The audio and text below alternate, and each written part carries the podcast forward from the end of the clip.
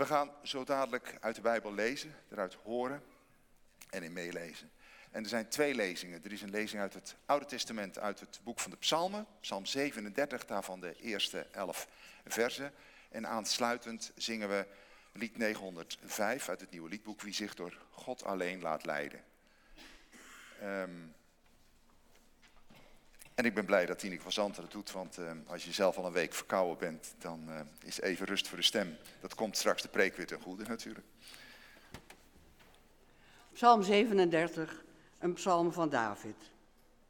Erger je niet aan slechte mensen. Wees niet jaloers op wie kwaad doen. Zij verdorren snel als gras. Zij verwelken als het jonge groen. Vertrouw op de Heer en doe het goede. Bewoon het land en leef er veilig. Zoek je geluk bij de Heer. Hij zal geven wat je hart verlangt. Leg je leven in de handen van de Heer. Vertrouw op Hem. Hij zal dit voor je doen. Het recht zal dagen als het morgenlicht, de gerechtigheid stralen als de middagzon. Blijf kalm en wacht op de Heer. Erger je niet aan wie slaagt in het leven, aan wie met listen te werk gaat. Wind je niet op, laat je woede varen. Erger je niet, dat brengt maar onheil. Slechte mensen worden verdelgd. Wie hopen op de Heer, zullen het land bezitten. Nog even en verdwenen is de zondaar. Je kijkt waar hij is, maar vindt hem niet. Wie nederig zijn, zullen het land bezitten en gelukkig leven in overvloed en vrede.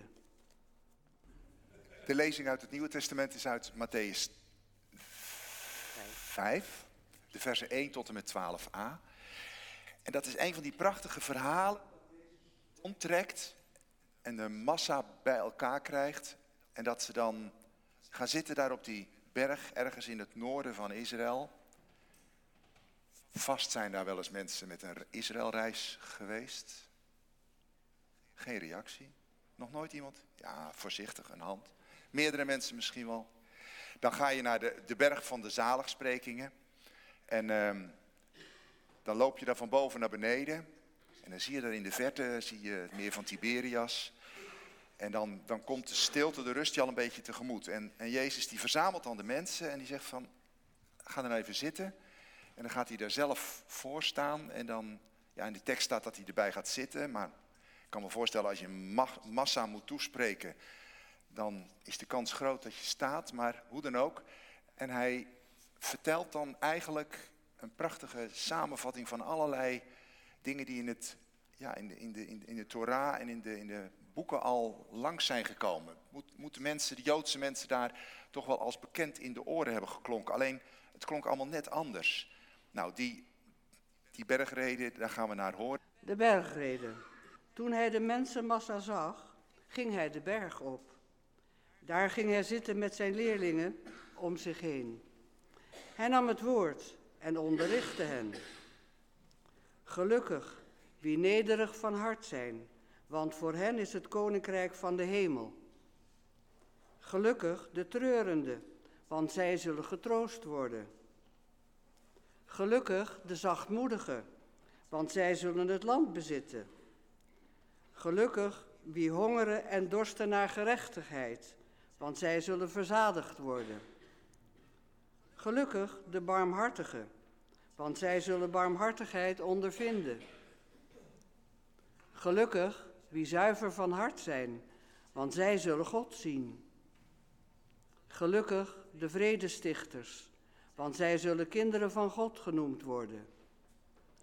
Gelukkig wie vanwege de gerechtigheid vervolgd wordt, want voor hen is het koninkrijk van de hemel. Gelukkig zijn jullie wanneer ze je omwille van mij uitschelden, vervolgen en van allerlei kwaad betichten. Verheug je en juich, want je zult rijkelijk worden beloond in de hemel. Zo immers vervolgden ze voor jullie de profeten. Gemeente van onze Heer Jezus Christus. Als ik tijdens een wandeling mijn podcast op mijn smartphone aanzet, als ik die start, dan klinkt er muziek. En door die muziek heen klinkt opeens een stem. Een stem die zegt, en ik citeer die stem, wat moet je doen als je merkt hoe gewond je bent? Wat doe je met die stem in je die schreeuwt om liefde of om vriendschap? Om een thuis. En dat heb je allemaal niet. En ondertussen kijken de mensen naar je op als een voorbeeld van wijsheid en geestkracht. Maar ben je dat wel? Moet je je verwondingen dan maar verbergen? Of kan je verwonding een toegang zijn tot waarheid? Tot zover die stem die klonk. De podcast waarnaar ik luisterde was er een uit de serie Moderne Profeten. Dat is een project van de Inwendige Zendingsbond, de IZB en de Evangelische Omroep, de EO. En de stem die klonk, dat was de stem van dominee Kees van Ekeres. Die serie Moderne Profeten, anderhalf jaar terug, dat was, waarin deze podcast zat, was inmiddels weer de tweede serie Moderne Profeten. De eerste serie die daar vooraf uitgezonden werd, het was coronatijd, weet u nog wel, en toen ontstonden dat soort initiatieven. Die eerste serie die een jaar eraan vooraf werd uitgezonden, die cirkelde om de vraag hoe je in de toenmalige, huidige, gistende tijd, waarin er zoveel in beweging was, hoe je daar de stemmen die klinken kunt vertrouwen.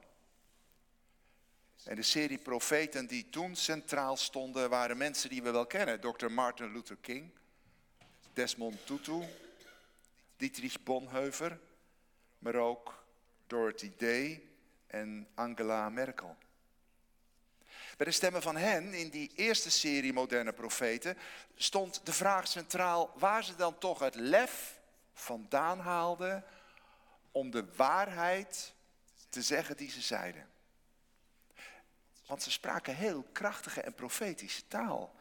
En je zou kunnen concluderen dat bij een ieder van hen bleek dat er iets in hun levensgeschiedenis was dat een geheim in zich droeg, een geheim dat maakte dat ze tot het profetisch spreken in hun tijd kwamen. In die tweede serie Nieuwe Profeten, want inmiddels is er alweer een derde serie uitgekomen onlangs. Maar in die tweede serie Moderne Profeten, daarin ging het ook om het woordje waarheid. Maar dan waarheid die anders aangevlogen werd. Waarheid vanuit een ander invalshoek. Waarheid in de zin van dat de zoektocht van de sprekende mens, de moderne profeet dus, dat die zoektocht wordt belicht. Het gaat dan over waarom ze zo gedreven waren in hun leven en over wat ze dan ontdekten. De podcast van die morgen die ik daar over dat laantje wandelend hoorde, die ging over Henry Nouwen. Nouwen was professor, hij was priester, hij was pastor en een zeer succesvol schrijver. Miljoenen mensen hebben zijn meer dan 56 boeken gelezen. U kent hem misschien wel, ik heb een plaatje van hem meegenomen, wat we nu gaan zien. Misschien zag u wel eens bij een van de vele herhalingen die vaak in zomertijd gedurende enkele jaren wel werden uitgezonden via Hour of Power. Toen nog vanuit de Crystal Cathedral in Amerika. En als je zo'n uitzending ziet, niet zo'n uh, houten broek als waar ik in nu in sta, maar een lessenaartje met een ruim podium. En dan, en dan, ja, dan zie je die priester over het podium heen en weer lopen. Het is een lange, magere man die met heel veel nadruk, een beetje slissend en met een duidelijk Nederlands tongval de Amerikaanse toehoorders toespreekt. En het is duidelijk, Nouwe is geliefd. Hij is erg geliefd en de kerkgangers, ze hangen als het ware aan zijn lippen. En de boodschap die hij iedere keer maar weer uitspreekt, is dat je als mens geliefd bent door God. Ik heb onlangs weer op YouTube zo'n film teruggekeken, zo'n opname teruggezien. En dan zie je daar die priester op dat immens grote podium van die toen immense grote, veel te grote kerk. En aan het begin van zijn preek, van zijn toespraak, begint hij meteen met uit te spreken wat voor hem de kern van zijn boodschap is. Hij zegt, de kern van mijn geloof bestaat uit de overtuiging dat u en dat ik, dat wij allemaal de geliefde zonen en dochters van God zijn. En meteen daarna herhaalt hij dat nog een keer. De kern van mijn geloof bestaat uit de overtuiging dat u en dat ik, dat wij allemaal de geliefde zonen en dochters van God zijn. En keer op keer in kerkdiensten en bij lezingen deelt hij deze boodschap als basis van zijn geloof met het gehoor dat meer dan betrokken luistert. Het is de waarheid waar Henry Nouwen aan wil vasthouden. Hij, hij roept het zijn gehoor en misschien ook wel zichzelf als het ware toe. En hij voegt er dan toe dat, dat we in ons leven misschien last kunnen hebben van wat we in het verleden fout hebben gedaan. Of dat we in ons dagelijks bestaan misschien angstig of bezorgd zijn over de toekomst. Maar weet en onthoud, zegt hij, You are the beloved sons and daughters of God. Jullie zijn de geliefde zonen en dochters van God. En je mag deze waarheid claimen. Je mag hem claimen voor je bestaan, omdat het de basis is van je bestaan. Jullie, wij zijn de geliefde zonen en dochters van God. Het is de waarheid waar hij, waar hij van overtuigd is. En hij roept het ons toe, ook vandaag weer. Maar hij roept het door zo te benadrukken ook zichzelf keer op keer toe. Waarheid. Waarheid is het thema. En over diepe waarheid die we ons mogen toe-eigenen, gaat het naar mijn idee ook in die twee lezingen van zojuist. Allereerst maar die, die psalm. Als David dicht in Psalm 37, dan zijn die eerste elf versen als een soort, ja, dat is een ouderwets woord hoor, maar als een soort vermaan. Als een aansporing aan ons om het geluk en de verwachting bij de Heer te zoeken. David lijkt te reageren op iemand die nogal ernstig verontwaardigd is. En tot driemaal toe klinkt het te horen toe. 1a, Erger je niet aan slechte mensen. En in 7a, blijf kalm en wacht op de Heer. En in 8a, weet je niet op? Blijkbaar zijn er slechte mensen. Zijn er boosdoeners die erin slagen om kwaad te doen. Maar David roept de toehoorders toe in vers 3, vertrouw op de Heer en doe het goede. En in vers 4, Zoek je geluk bij de Heer. Hij zal je geven wat je hartje verlangt. En in vijf, leg je leven in de handen van de Heer. Leg je leven in de handen van Hem. Vertrouw op Hem. Blijf kalm en wacht op Hem. Erger je niet aan die anderen. En zo gaat David nog wel even door.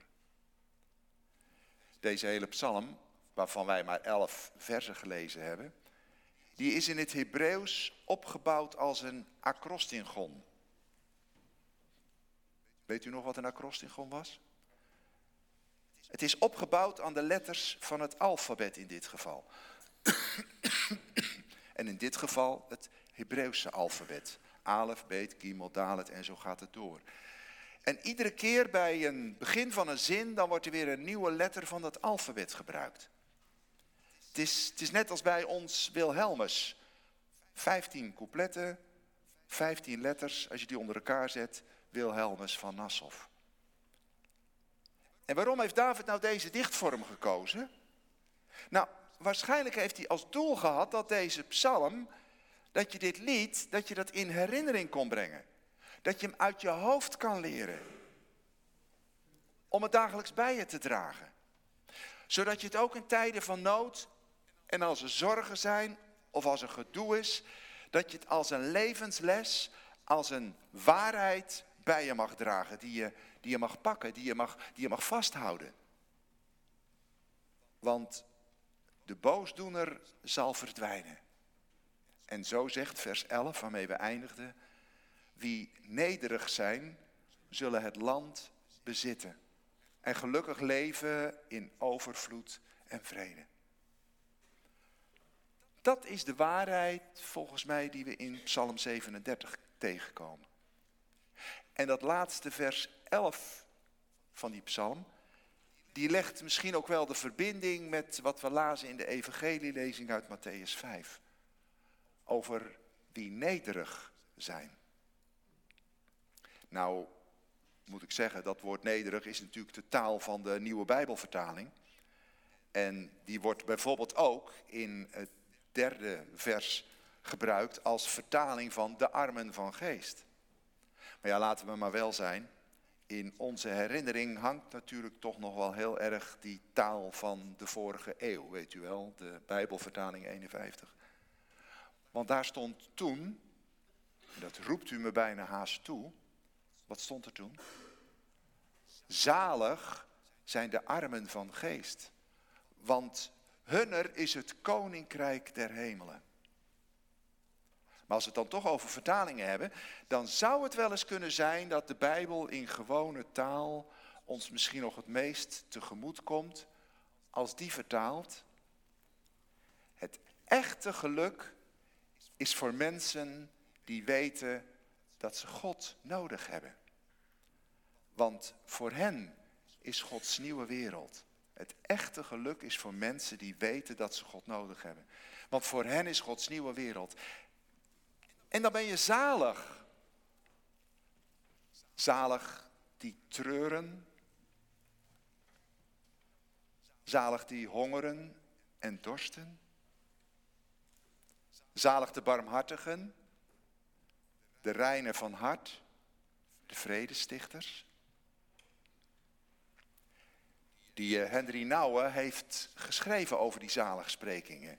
In zijn boek Eindelijk Thuis schrijft hij dat, dat die zaligsprekingen met elkaar zo eigenlijk een treffend zelfportret van Jezus laten zien.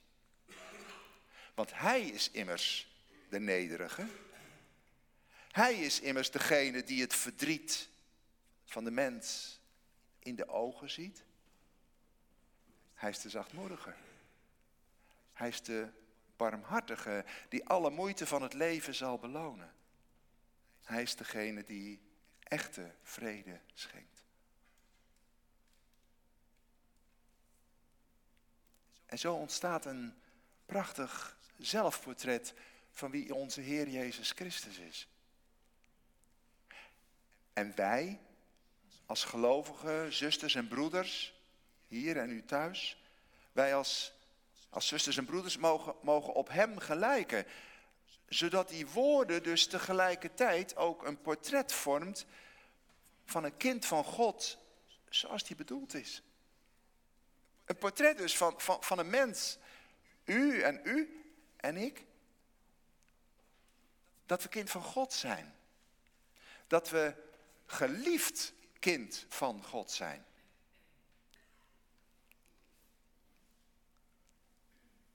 Dat wil dus zeggen dat we die zaligsprekingen mogen leven. En dat we ze mogen uitleven in woord en daad. Als een waarheid die geleefd mag worden als basis onder ons bestaan. Zeg eens, zegt ons dat wat voor ons dagelijks leven? Misschien moet u daar vanmiddag nog eens over hebben onder de thee of straks onder de koffie. Zegt ons dat wat voor ons dagelijks leven? Kunnen we daar wat mee? Ik ga nog even terug naar Nouwen, Henry Nouwen. Want ik, ik zei al dat hij herhaaldelijk telkens weer in zijn spreekbeurten zegt... You are the beloved sons and daughters of God. Jullie zijn de geliefde zonen en dochters van God. En ik heb ook gezegd twee keer dat het leek alsof hij het zichzelf ook in herinnering riep. Door het steeds maar weer zo uit te spreken. En ja, hij bleek het zelf ook zo hard nodig te hebben. Want de waarheid in zijn leven, de waarheid in zijn bestaan, die waarheid bleek heel broos te zijn. Want zo'n gevierd mens als hij was op de grote podia, waar dan ook ter wereld en al die boeken, hij raakte zo vaak in een depressie. En hij raakte overspannen. En het leven werd hem heel vaak te veel. Het ging niet goed met hem. Zo'n prettig, zo'n fijn en innemend mens als hij was, het leven werd vaak zo, zo donker voor hem. En als hij dan s'avonds, waar dan ook ter wereld, na een belangrijke spreekbeurt of na college te hebben gegeven op de universiteit, als hij dan terugkwam in zijn eigen kamer of in een een of andere anonieme hotelkamer op een, op een campus, dan was daar de eenzaamheid. En in die eenzaamheid klaagde de duisternis hem aan. En kwam de depressiviteit. En hij heeft heel veel pogingen gedaan om het leven te hervinden. Te lang om het hier nu te benoemen. U zou die podcast eens moeten horen. Maar uiteindelijk gaat hij wonen in een door Jean Vanier opgezette woongemeenschap, een arkgemeenschap.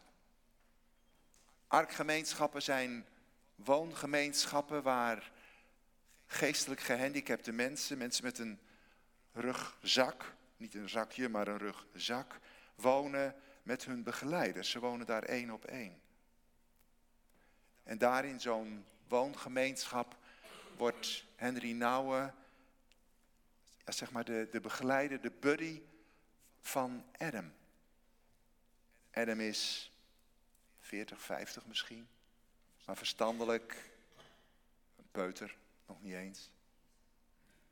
Hij heeft overal hulp bij nodig. En Henry Nouwen zorgt voor hem. Hij geeft hem te eten. Hij verschoont hem. Hij begeleidt hem. Hij doet, hij doet alles wat, wat, wat, ja, wat Adam zelf niet kan.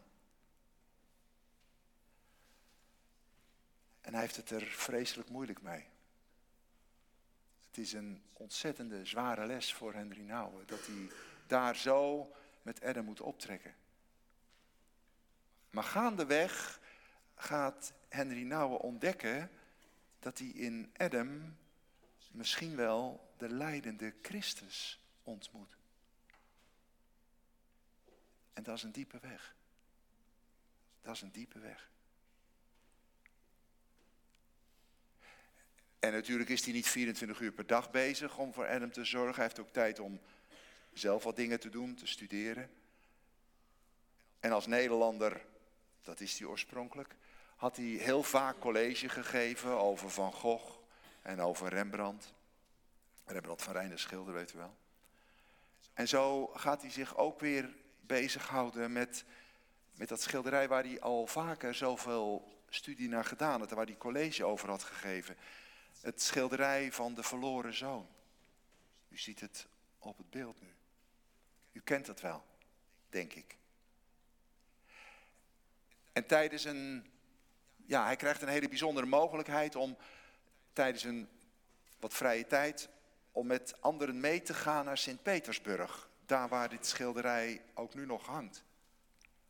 En daar waar de meeste toeristengroepen via die deur naar binnen komen, een kwartiertje mogen kijken en via die deur er weer uit mogen, krijgt Henry Nouwen de kans om op een stoel dagenlang voor dat schilderij te zitten.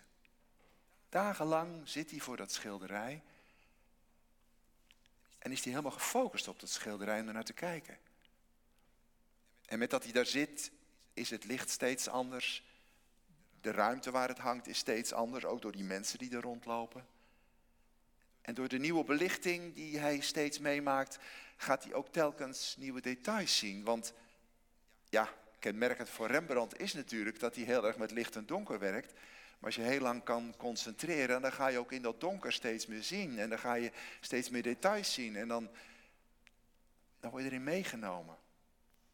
En hij zit daar gefocust, dagenlang te mediteren voor dat schilderij. En hij is geraakt. Hij is geraakt tot in het diepst van zijn ziel. Want hij beseft dat dat schilderij in, in allerlei facetten ook over hem en over zijn leven en over zijn persoon gaat. Over wie hij is ten opzichte van God.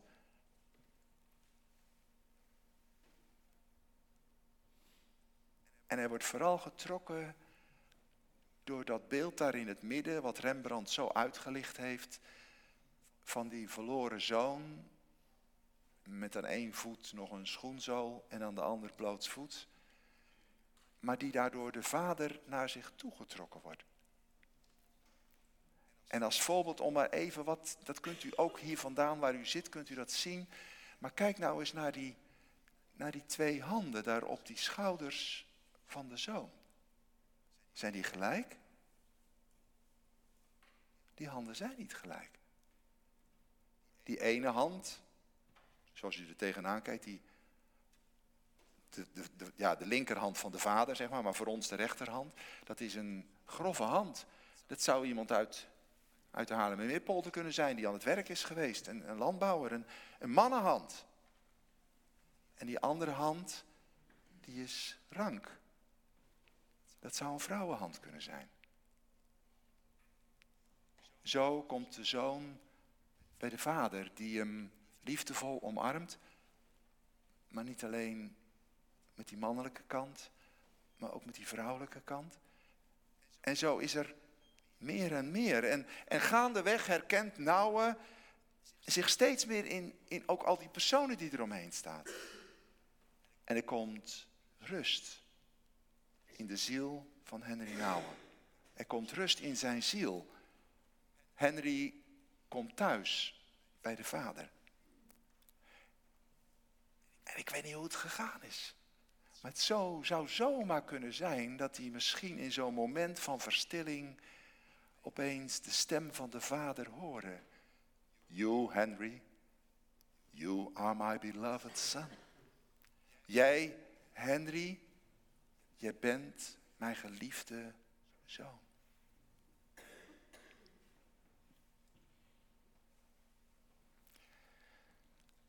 Die psalm, psalm 37, die wil in dat lied ons laten zingen dat niet de boosdoener de boventoon voert. Nee, wie op de Heer vertrouwen, die zullen leven in vertrouwen op Hem. En die zaligsprekingen, die dagen ons uit om, om in de woorden van Jezus het portret van Hem te mogen zien. Hem in wie wij mogen leven. En die bijzondere priester, die bracht ons bij de Vader. Die Vader die ons telkens weer met open armen tegemoet komt. En als wij dan met Henry Nouwen dat schilderij zien, horen wij dan ook misschien die stem die zegt, jij die hier zit, Jan, Corine, Erik, Inka, Rita, Margje, wie jij ook bent. Jij bent mijn geliefde dochter. Jij bent mijn geliefde zoon.